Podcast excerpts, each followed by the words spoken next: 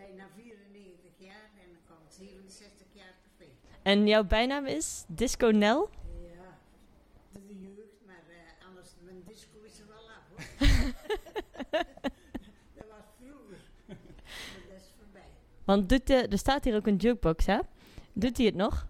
Die doet het nog wel, ja. Ja. Als ik hem aanzet, hè. Dan weet ik niet wat het is. L, L. 2. Nou hoop ik dat je het doet, hè.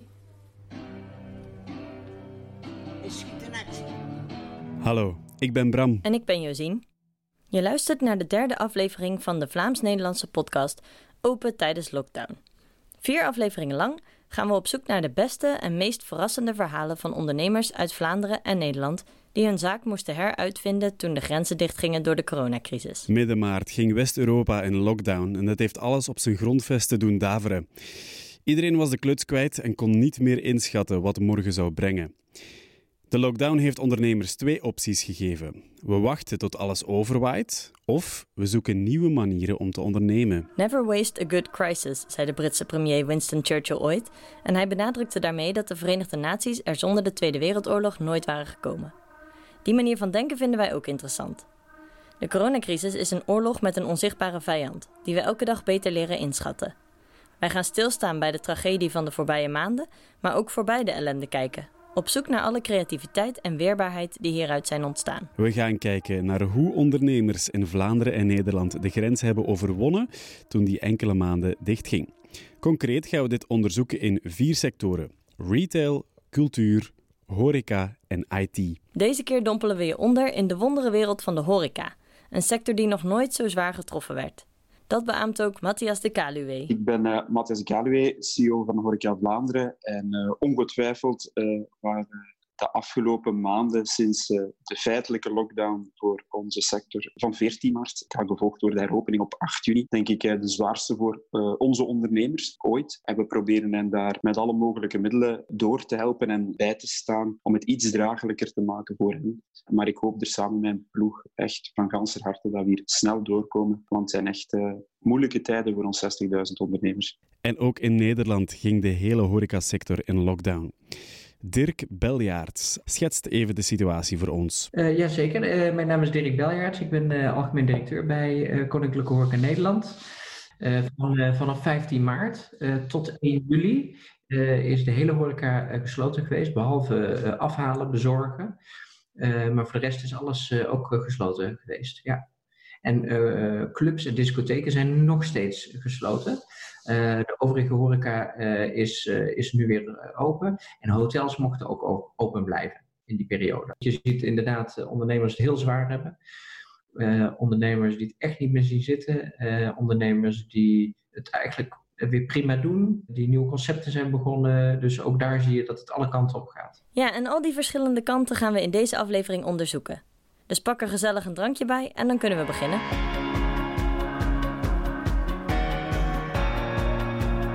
Open tijdens lockdown. Creatief ondernemen over de grens heen. Maar ik ben zo geen babbelaar.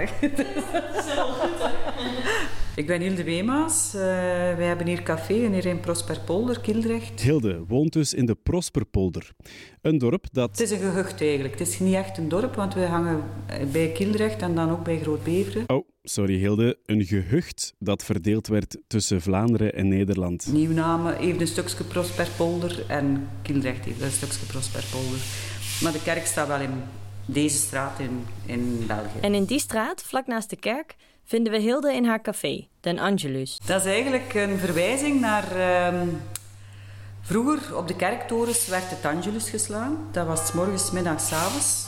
Ja, een, een teken dat de mensen op, op uh, het veld wisten van... Kijk, het is een moment, een bidmoment.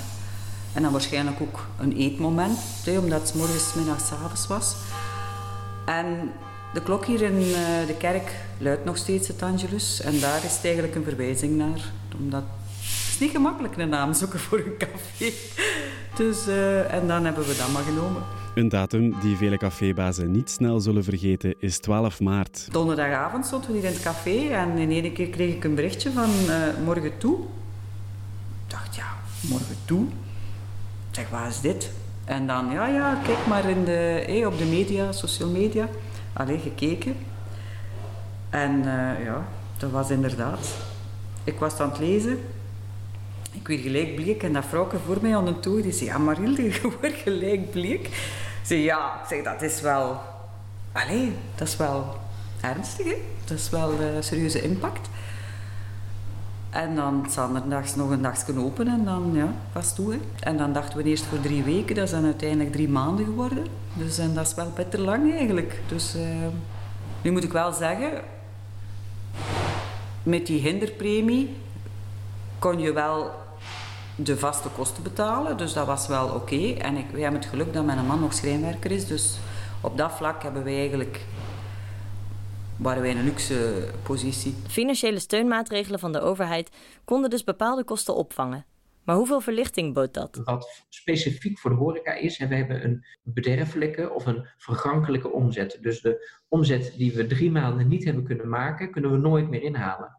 Uh, want een kamer die verkoop je niet ineens vier keer per nacht om die in omzet goed te maken. Nee, dat blijft één keer. En, en u en ik eten ook maar één keer uh, uh, s'avonds een diner en niet, niet drie keer. Dus, dus die omzet kun je nooit meer inhalen. Uh, terwijl je ziet dat heel veel kosten wel gewoon doorlopen.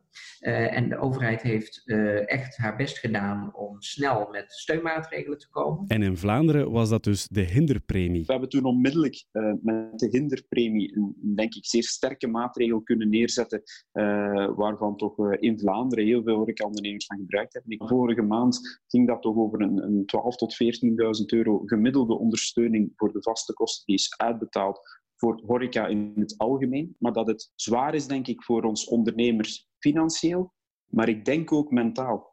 Want voor hen is dat hun levenswerk. Een, een, ja, dat is een inkomen, maar ik zie vooral veel mensen met passie ondernemen. Ik denk dat iedereen wel weet dat we dat virus niet kunnen voorspellen wat er gaat gebeuren, maar die onzekerheid van wat gaat het volgende maand zijn, ja, dat knaagt enorm. Maar er was wel licht aan het einde van de tunnel. Op 6 juni hoorde elke cafébaas in België de gevleugelde woorden van premier Sophie Wilmes. De horeca, de sportsector en de cultuursector zijn de grootste sectoren die vanaf 8 juni kunnen ervatten. Vanaf 8 juni zullen dus alle andere horecazaken zoals café, bar, restaurant zullen meer open kunnen gaan. Dit op voorwaarde dat ze een zeer nauwkeurige protocollen volgen. Dat was, uh, denk ik, uh, een beetje zoals de bevrijding, denk ik, uh, na de Tweede Wereldoorlog. Als ik de gezichten die dag, ook van klanten trouwens, hè, zag toen de media overal rondging. En dan de moment, de dag dat de open mocht gaan, ja, zijn wel blij en iedereen is blij met u. Het was dan ook super mooi weer dat weekend, dus dat was al direct ja, een beetje opletten dat we niet de grenzen van, van die meter en een half uh, schenden. Dus dat was niet zo eenvoudig ook al niet direct, maar ja, we doen ons best. We proberen dat toch te handhaven. We hebben ook wat, wat tafeltjes geminderd hier binnen. Buiten ook alles wat geschikt dat alles op zijn, zijn afstand staat. Wij hebben zowel binnen eigenlijk wel veel ruimte als buiten, want we hebben binnen eigenlijk maar drie tafels moeten wegnemen. En dan buiten effectief maar één tafel, maar veel stoelen. Buiten stonden veel stoelen rond de tafels en nu staan er wat minder. Dus op zich mogen we daar ook niet van klagen eigenlijk. Net zoals Hilde ging heel Vlaanderen en Nederland op zoek naar creatieve manieren om op de situatie te reageren. In Amsterdam is een restaurant geweest die kleine uh, glazen uh, huisjes, dus een soort klein mini-kassen, uh, heeft laten bouwen. Waar je dan met twee personen, nou ja, coronaproof kon gaan lunchen of dineren. dat is natuurlijk heel creatief. Voor het overige zie je dat bijvoorbeeld cateraars hun keukens zijn gaan delen. Uh, dus zeg ja, ik heb een hele grote keuken. De capaciteit die wordt nu bijna niet meer gebruikt. Dus als er bijvoorbeeld restaurants zijn die eigenlijk door bijvoorbeeld extra bezorgen capaciteit tekort komen, kom dan gewoon in, uh, tussen uh, uur X en Y, kom dan bij ons gewoon die keuken gebruiken. Laat hem schoon achter en dan hebben we er met z'n allen veel meer plezier van. Dus je ziet op die manier ook hele creatieve oplossingen. Ja, absoluut. ook ook hier in, in, in Vlaanderen. Hè. Allee, het project Feed the Nurses tijdens de lockdown, waar heel veel chefs vrijwillig eigenlijk maaltijden zijn gaan klaarmaken om eigenlijk het verzorgend personeel mooie maaltijden en gezonde maaltijden te kunnen geven. En dat heeft nog navolging gekregen in een aantal lang. In Antwerpen is er een hotel wat de kamers ter beschikking stelde voor het verzorgend personeel, dat ze konden overnachten voor zij die in de campen woonden. Ik heb hier in mijn eigen gemeente gezien slagers die zakjes gingen geven aan een restaurant wat takeaway deed, omdat die dat de eerste dagen niet hadden, omdat ze dat nog nooit hadden gedaan in, in heel hun leven. Er zijn eh, voorraden naar voedselbanken gegaan, naar goede doelen, zoals Rode Kruis en dat soort zaken. Er zijn voorraden naar ziekenhuizen en verpleeghuizen gegaan.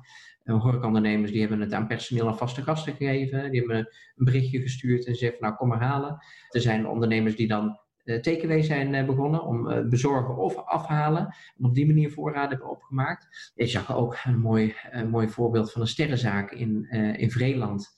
En net onder Amsterdam, die samen is gaan werken met een traiteur. Dus die echt hele mooie gerechten aan een traiteur heeft geboden. En dat eigenlijk heeft volgehouden tot op de dag van vandaag. Waardoor de traiteur een enorme verrijking kreeg, omdat de sterrenzaak gerechten maakt. En voor de naamsbekendheid van het restaurant ook heel goed is geweest. Dat zijn een paar voorbeelden eh, die me nu even te binnen schieten. Ja, maar eh, heel mooie, hartverwarmende initiatieven zitten daartussen. Maar ik heb veel mooie dingen gezien en we gaan het ook nodig hebben. En laat dat misschien iets zijn wat we ook in het najaar verder kunnen doen. Proberen te zien waar dat je helpt, of je nu concurrent en eigenlijk eerder conculega's van elkaar bent. dat is mooi en op die ingeslagen weg verder.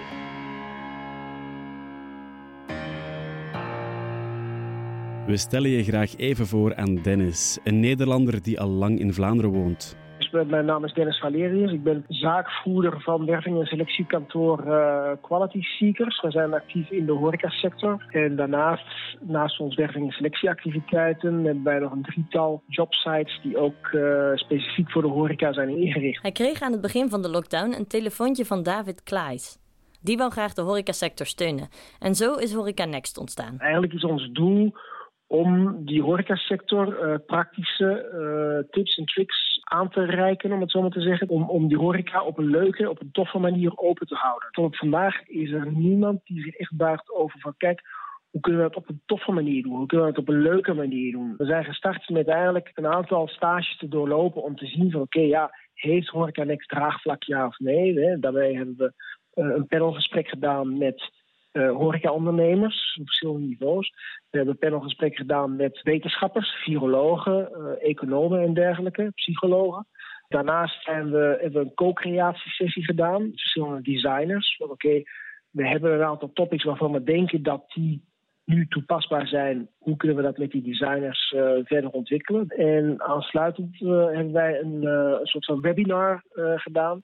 Ook live is dat uitgezonden geweest waarin we dergelijke topics nog een keer te sprake hebben gebracht aan de tafel verschillende mensen.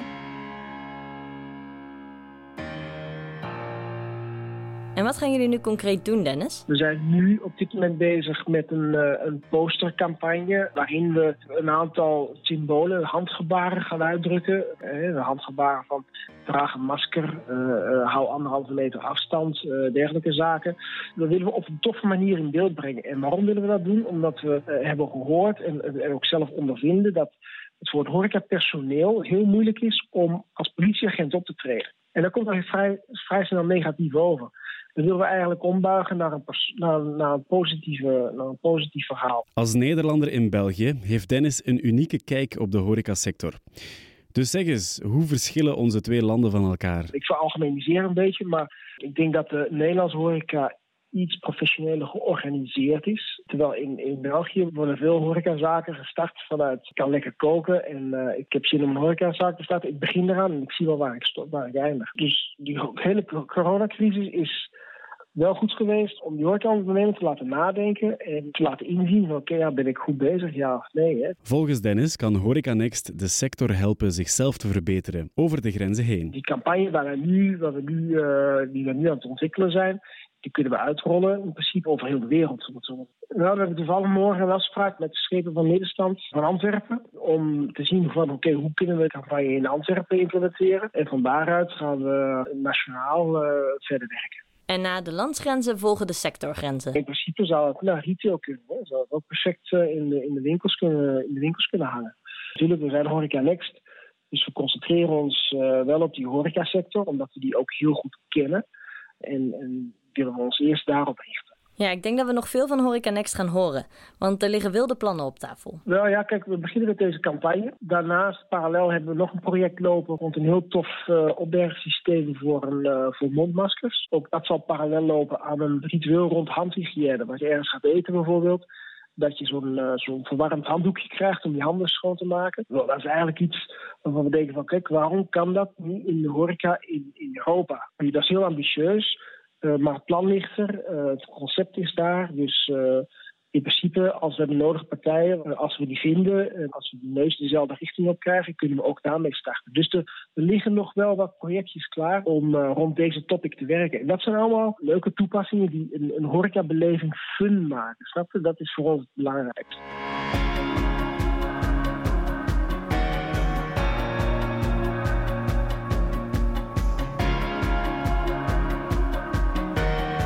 Tijdens lockdown. Het is ook wel druk zo te zien. Pannenkoekenbakker. Mm, ja en nee. heb jij al gegeten? Klinkt als, als het pannenkoeken zijn, heb ik nog niet. Ja, precies dat, ja. Maar zo een koffietje? Ja, ja. we moeten toch wachten, hè? Ja, ik ben Gina Poppen en uh, ik uh, ben eigenares en ik hou het cafeetje, een uh, huiskamercafeetje, het Verdronken Land open. Ja. In Amador. In Amador. De grens is hier een paar kilometers vandaan. Ja. Drie, vijf, zoiets. Te zien hoe dat je rijdt. Kom hier kom je overal de grens tegen. Ja. Het Verdronken Land is een huiskamercafé vol antieke werken. Gina wil haar café een warm gevoel laten uitstralen. Door de lockdown heeft ze zo'n drie maanden moeten sluiten, maar stilzitten, dat staat niet in haar woordenboek. We hebben wel heel, heel veel, heel veel gewerkt. Ja, onderhoud opgeschilderd, uh, mijn schuur opgeschilderd, zodat ik drukke mensen kan zetten. En dat het allemaal netjes is. Een tweede kleine bar bijgemokt voor eventuele zelfbediening. En Gina doet ook haar best om er met de coronamaatregelen iets van te maken. Ja, ik heb heel veel ruimte, dus ik kan ook heel veel grote tafel en er zitten ze nog anderhalf. Maar het is twee persoon, anderhalf, twee persoon. Ik heb allemaal latten gemaakt van uh, anderhalve meter. Dan schuur je die even op, dan de mensen geen splinters krijgen. Even in de grondverf gezet. En dan schrijven we erop. In het midden staat er dankie. En dan aan de uiteinde reserveren of aanmelden. Handen wassen. Lief zijn voor elkaar. We doen het samen. Courage. Wacht, Bram. Courage? Ah ja, dat betekent sterkte of hou de moed erin. Het is een van de vele woorden die we uit het Frans hebben overgenomen. Ah, zoals jullie ça va zeggen in plaats van hoe gaat het zeker. Trouwens, Dirk Beljaerts had nog een alternatief voor de latten die Gina gebruikte. We hebben ook in uh, cafés gehad dat uh, mensen, uh, dat was niet verplicht, maar dat was, dat was een mogelijkheid dat ze een soort hoepel met bretels kregen, zodat je ook echt een idee krijgt wat anderhalve meter diameter of anderhalve meter is aan elke kant. Want dat is echt heel erg veel. Uh, en dat beeldt dan ook heel goed uit hoe je bijvoorbeeld een, een, bruine kroeg met een kleine oppervlakte, als je alleen op binnen bent aangewezen, hoe je dat nooit rendabel kan maken. Want dat is in, in veel zaken kun je dan bijvoorbeeld nog maar met vier gasten uh, binnen zijn. Maar als een van die gasten naar het toilet moet, want dat is vaak ergens achterdoor en dan een beetje moeilijk te vinden of een trap op. En dan moet je soms, in sommige gevallen moet je de twee gasten vragen of ze even buiten willen wachten. Uh, zodat je met die anderhalve meter in achtneming even naar het toilet kan op en neer. Ja, kijk, als dit de enige manier zou zijn om veilig op café te gaan, dan doe ik met veel plezier een hoepel om. Een Belg doet natuurlijk alles voor een pintje. En dat hebben we in het weekend van 14 en 15 maart duidelijk gezien. Het was zo, de Belgen gingen ze vrijdags om 12 uur dicht. Dus er hebben ze nog een lockdown party gehad. Zaterdags kwamen de Belgen massaal over de grens. Sluis was overrompeld. Dus in Sluis uh, beslissen ze ook al de ondernemers van het zondags dicht te gaan. En zondagmorgen heb ik hier de wielertoeristen, nog wat motors en ik moest Zuidbakkoor houden. En uh, wat nog al te horen gekregen dat je maar 100 man buiten mocht zetten. En nee, om half elf zijn dicht gegaan. En natuurlijk, dat, dat is pijnlijk, want er waren nog heel veel mensen hier onder de dijk. Maar ik had er zelf ook geen goed gevoel meer bij. Ja, voor de veiligheid van de mensen. En ik had ook mijn medewerkers, uh, ja, met personeel. Uh, het gewoon niet meer lekker, je weet niet.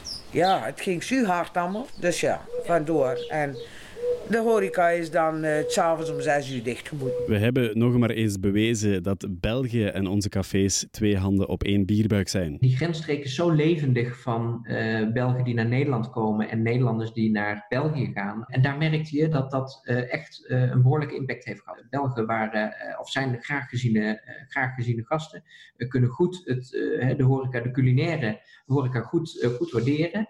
en die hebben de restaurants ook gewoon heel hard nodig. maar dat heeft zeker die grenssluitingen hebben zeker effect gehad.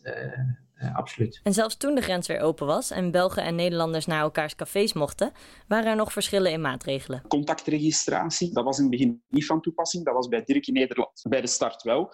Omgekeerd uh, was er bij onze mondmasker en bij hen niet. Dus het was een beetje verschil. Maar we hebben trouwens ook regelmatig goed overlegd uh, onder collega's om, om eens een beetje te zien wat gebeurt er in die andere landen. En ja, als ik ook één tip heb echt voor overheden, is uh, doe dat misschien absoluut ook eens in de toekomst. Nou ja, ik denk dat we hem breder kunnen trekken en dat, uh, dat dit nu zo'n voorbeeld is waarin een regierol voor Europa heel wenselijk was geweest. Het is natuurlijk ook heel bijzonder dat, om, om een voorbeeld te noemen, dat mondkapjes in het ene land verplicht zijn omdat bewezen is dat het helpt. En in een ander land, zoals bijvoorbeeld in, in Nederland, dat men dat niet vindt. En dat is gek, want er zijn niet elk Europees land heeft een andere waarheid. Als het goed is, uh, hebben maatregelen en het virus, wat overal hetzelfde is, hebben dezelfde waarheid. Dus dat had, uh, die regierol vanuit Europa had zeker een hoop uh, misverstanden kunnen voorkomen. Absoluut. Ja. Een gecoördineerde aanpak want dat virus stopt niet aan de grens. Hè, dat dat uh, fundamenteel is uh, ja, voor de toekomst, ik denk dat absoluut wel. Ja. Uh, en daar denk ik dat Europa wel een rol ook misschien in had kunnen spelen. Maar ik ben ook niet op de hoogte van... Ik kan u alleen zeggen wat wij wel hebben gedaan. collega Dirk en ik, wij hebben over heel veel contact gehad over protocollen. Maar we hebben dat ook via onze Europese koepel als middenveldsorganisatie Hottrek gedaan. we wisselden uit wat zijn steunmaatregelen in land A, B. Oh, dat bracht je soms eens op ideeën om hier te kunnen op tafel leggen. Um, dus dat vind ik eigenlijk wel, wel goed gedaan.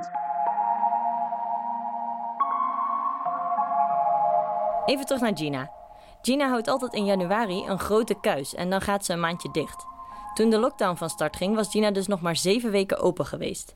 En dat bracht de nodige problemen met zich mee. Nou ja, in die, die zin van... Uh, ik had in januari een koelcel besteld, een vriescel besteld. Ik had die dat windscherm besteld voor te laten maken. Uh, ja, dat zijn allemaal investeringen. Maar ja, dan begin je te schilderen qua onderhoud. Ja, een pot verf, dat is ook best duur. Plus, op personeel moet je wel deur betonen. Leuk is dat niet meer, maar ja. Gina maakte zich zorgen voor de heropening van de horeca. Ze vreesde opnieuw een chaotisch weekend, zoals bij de sluiting. Die grenzen met België waren nog in eerste instantie nog dicht. Alhoewel dan heel veel fietsers in iedere Kopendijk kwamen fietsen. Dat, uh, ja, er is altijd wel een gatje te vinden. Nevens de, de container of zo dan ze dan afzetten. Dus ja, dat was dan toch wel best spannend die eerste dag, want je weet niet wat dat, doet. De overkant van de sloot heb ik een stuk terras, dat, mocht, mag van de gemeente dan, heb je vergunning gekregen. Dus dan hebben we overal de rond dranghekkers gezet, omdat je de mensen eventueel kost opvangen. Maar al bij al, dat viel heel veel mee, want we hebben... Uh, dinsdag ons dranghekken al weg kunnen doen. Maar in coronatijd kunnen dingen snel veranderen. En ondertussen die de Belgen wel op Tom verwacht de grenzen weer open. Je moet er toch een beetje op kunnen voorbereiden. Hè? Hier in Europa was ver te zoeken natuurlijk op dat moment. Maar nee, het is allemaal goed verlopen hier. En uh, ja, die latten die werken prima. En we hebben weer ruimte en ik heb een achterterras erbij. En, de... en iedereen houdt zich ook wel... Ja. Oh ja hoor, ja maar ja. Dat is, bij mij is dat... Uh, nee, dat kan niet anders. Ook met wieltoeristen niet, geen, geen probleem. Elk op een puntje van de picknickbank. En, nee, en als, als iedereen gelijk is, dan heb je ook geen probleem. Ik wil het zelf ook niet. Ze gewoon niet zeggen, bij zetten ze op een doodje. Nee, nee, dat gebeurt niet.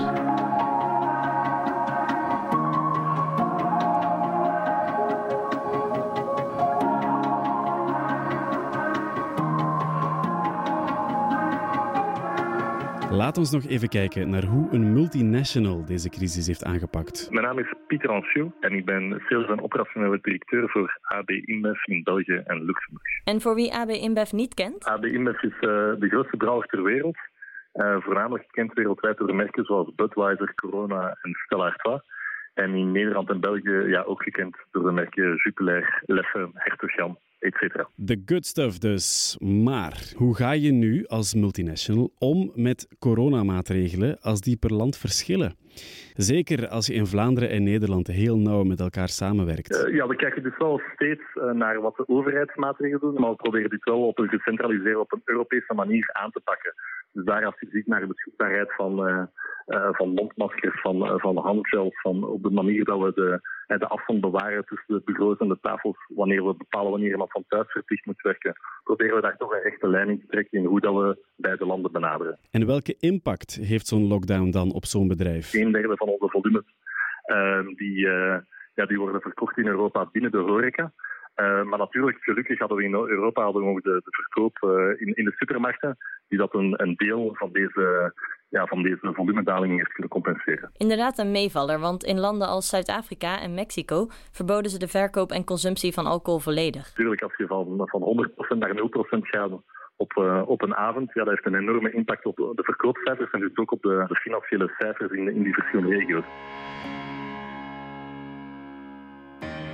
AB InBev is gestart met het maken van mondmaskers en ook met de productie van handgels. En die handgels worden gemaakt van bier. Uh, je maakt eerst een, uh, de normale Jupiler bijvoorbeeld, de normale Jupiler. En vervolgens gaan we dus alcohol eruit halen. Dat is dan pure alcohol. En daarmee maken we nu die ethanol. Ethanol die we dus hebben gebruikt om handgels te produceren van ons eigen personeel.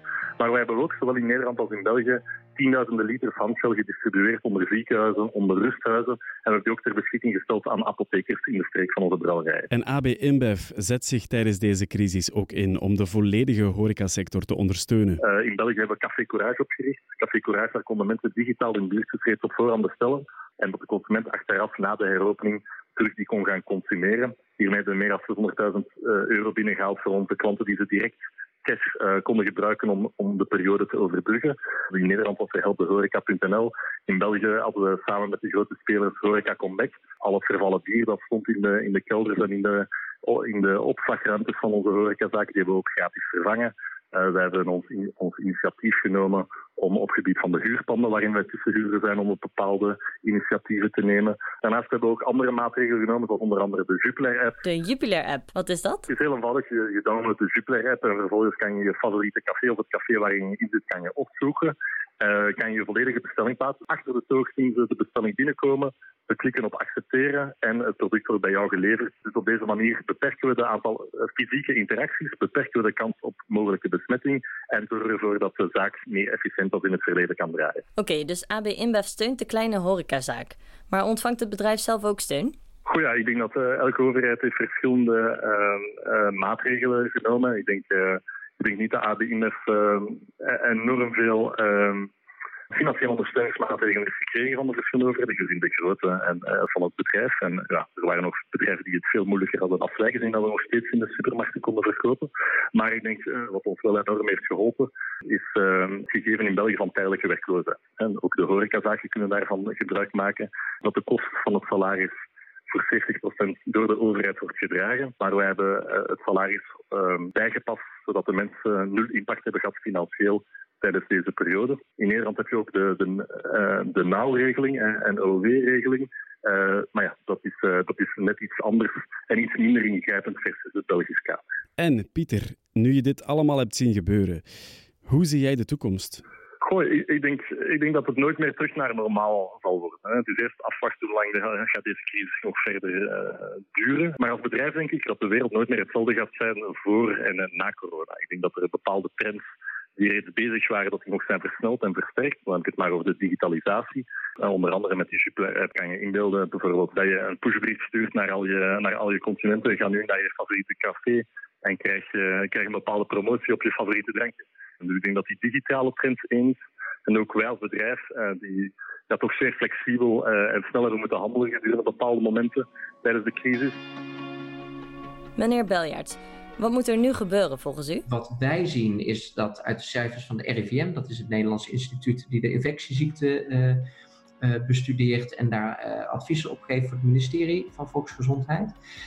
Die heeft nu twee keer op rij aangetoond dat de besmettingskans in de horeca zeer klein is. daarin is duidelijk dat het gros, iets van 80%, komt uit de thuissituatie, werk, en overig thuis. Dus dat zijn feestjes in de tuin, bijeenkomsten, familie. En in horeca slechts 2,3 procent. Dus als er een tweede lockdown aan zit te komen, dan zou ik heel belangrijk vinden de onderbouwing waarom dan de lockdown bijvoorbeeld in de horeca zou moeten plaatsvinden. In plaats van op het sentiment willen sturen of daadkrachtig te willen lijken als kabinet eh, terwijl je dan de horeca heel veel restricties oplegt, wetende dat het slechts een, een, zeer klein percentage is, waardoor je dus ook een heel klein percentage kan voorkomen. en dan moet je ook zo flink zijn om de thuissituatie, de thuisoverig en de werksituatie aan te pakken. Uh, dus de, met het vingertje naar de horeca wijzen, uh, ja, dat moet, dat moet echt stoppen. Dat bedoel ik, laat ons uit deze crisis niet verantwoordelijken aanduiden, maar eens kijken wat zijn de pijnpunten die naar boven zijn gekomen en hoe kunnen we een beter systeem maken voor de toekomst. Laten we hopen dat zoiets nooit meer gebeurt. Maar ik ben graag een voorbereid man. Op dit moment zitten we nog in de overlevingsfase. En ik denk uh, dat dat iets is waar we ons mensen nu in moeten bijstaan dan gaan nadenken, kunnen we campagnes doen om het consumentenvertrouwen terug uh, te doen herstellen. En daarna zal het een moment zijn om misschien het prachtige culinaire aanbod wat we hebben, misschien nog diverser te maken, nog beter in de markt te zetten. En als je dan die takeaway component er kunt aankoppelen, ja, dan denk ik dat we er uit moeten kunnen geraken. Wat me hoop geeft en wat ik graag zou meenemen is de veerkracht van de horecaondernemers, de de solidariteit onderling en het, het, het warme hart wat ze hebben laten zien naar collega's. Hè, want er zijn heel veel ondernemers die hebben collega's geholpen. Uh, horecaondernemers hebben gevochten om zoveel mogelijk mensen in dienst te houden. Heel veel werknemers hebben mee proberen te denken om uh, in kostenbesparing of vakantie of vakantiegeld, zodat ze hun baas weer konden, konden helpen. Dus dat de, de solidariteit, de saamhorigheid en de veerkracht van die horecaondernemers om niet op te geven en maar door te gaan met nieuwe ideeën. Dat, is, dat geeft me hoop en dat zou ik absoluut meenemen. Ik denk dat het goed is dat mensen in zo'n moeilijke periode contact zoeken met elkaar. Er is geen andere manier dan digitaal. In normale omstandigheden hadden wij dit ook inderdaad misschien fysiek nu op, op, een café met elkaar gedaan. Dus het is goed voor het sociale cohesie dat je samen goed, maar ik denk dat we er allemaal naar snakken en dat we misschien nu maar eens beseffen, en dat klinkt misschien oud, eh, maar is wel zo. In wat voor een fantastische wereld wij eigenlijk woonden voor 14 maart. Laten we nu eens eerlijk zijn. Je kon naar de vlieghaven gaan, je auto parkeren voor de deur om iemand af te zetten. Uh, je gaf een kus, je ging door op uh, café-restaurant hier in Antwerpen. Je komt binnen, je pakt elkaar vast. Uh, je stelde nu niet de vraag als het brood op tafel gezet weer of, of, het pepervatje, een zoutvatje moest afgekuist worden. Ik denk dat een samenleving dat absoluut nodig heeft. ik denk dat wij zo wat de peper en zout van een samenleving zijn. Ik geloof dat middenstand, horeca, maar ook cultuur en evenementen, want die zijn een beetje vergeten. Dat bepaalt ja, het kloppend hart van je stad. Die mix maakt dat je aantrekkelijk bent als stad. En ik denk dat we na dit, dat daar wel evoluties in gaan komen. En ik hoop daar echt van ganse harte dat we het lokale meer omarmen. Uh, genieten van wat de wereld in de wijde wereld te bieden heeft maar ook koesteren wat dat dichtbij is, want dat is volgens mij essentieel. En die boodschap nemen we met plezier mee. Tot de volgende!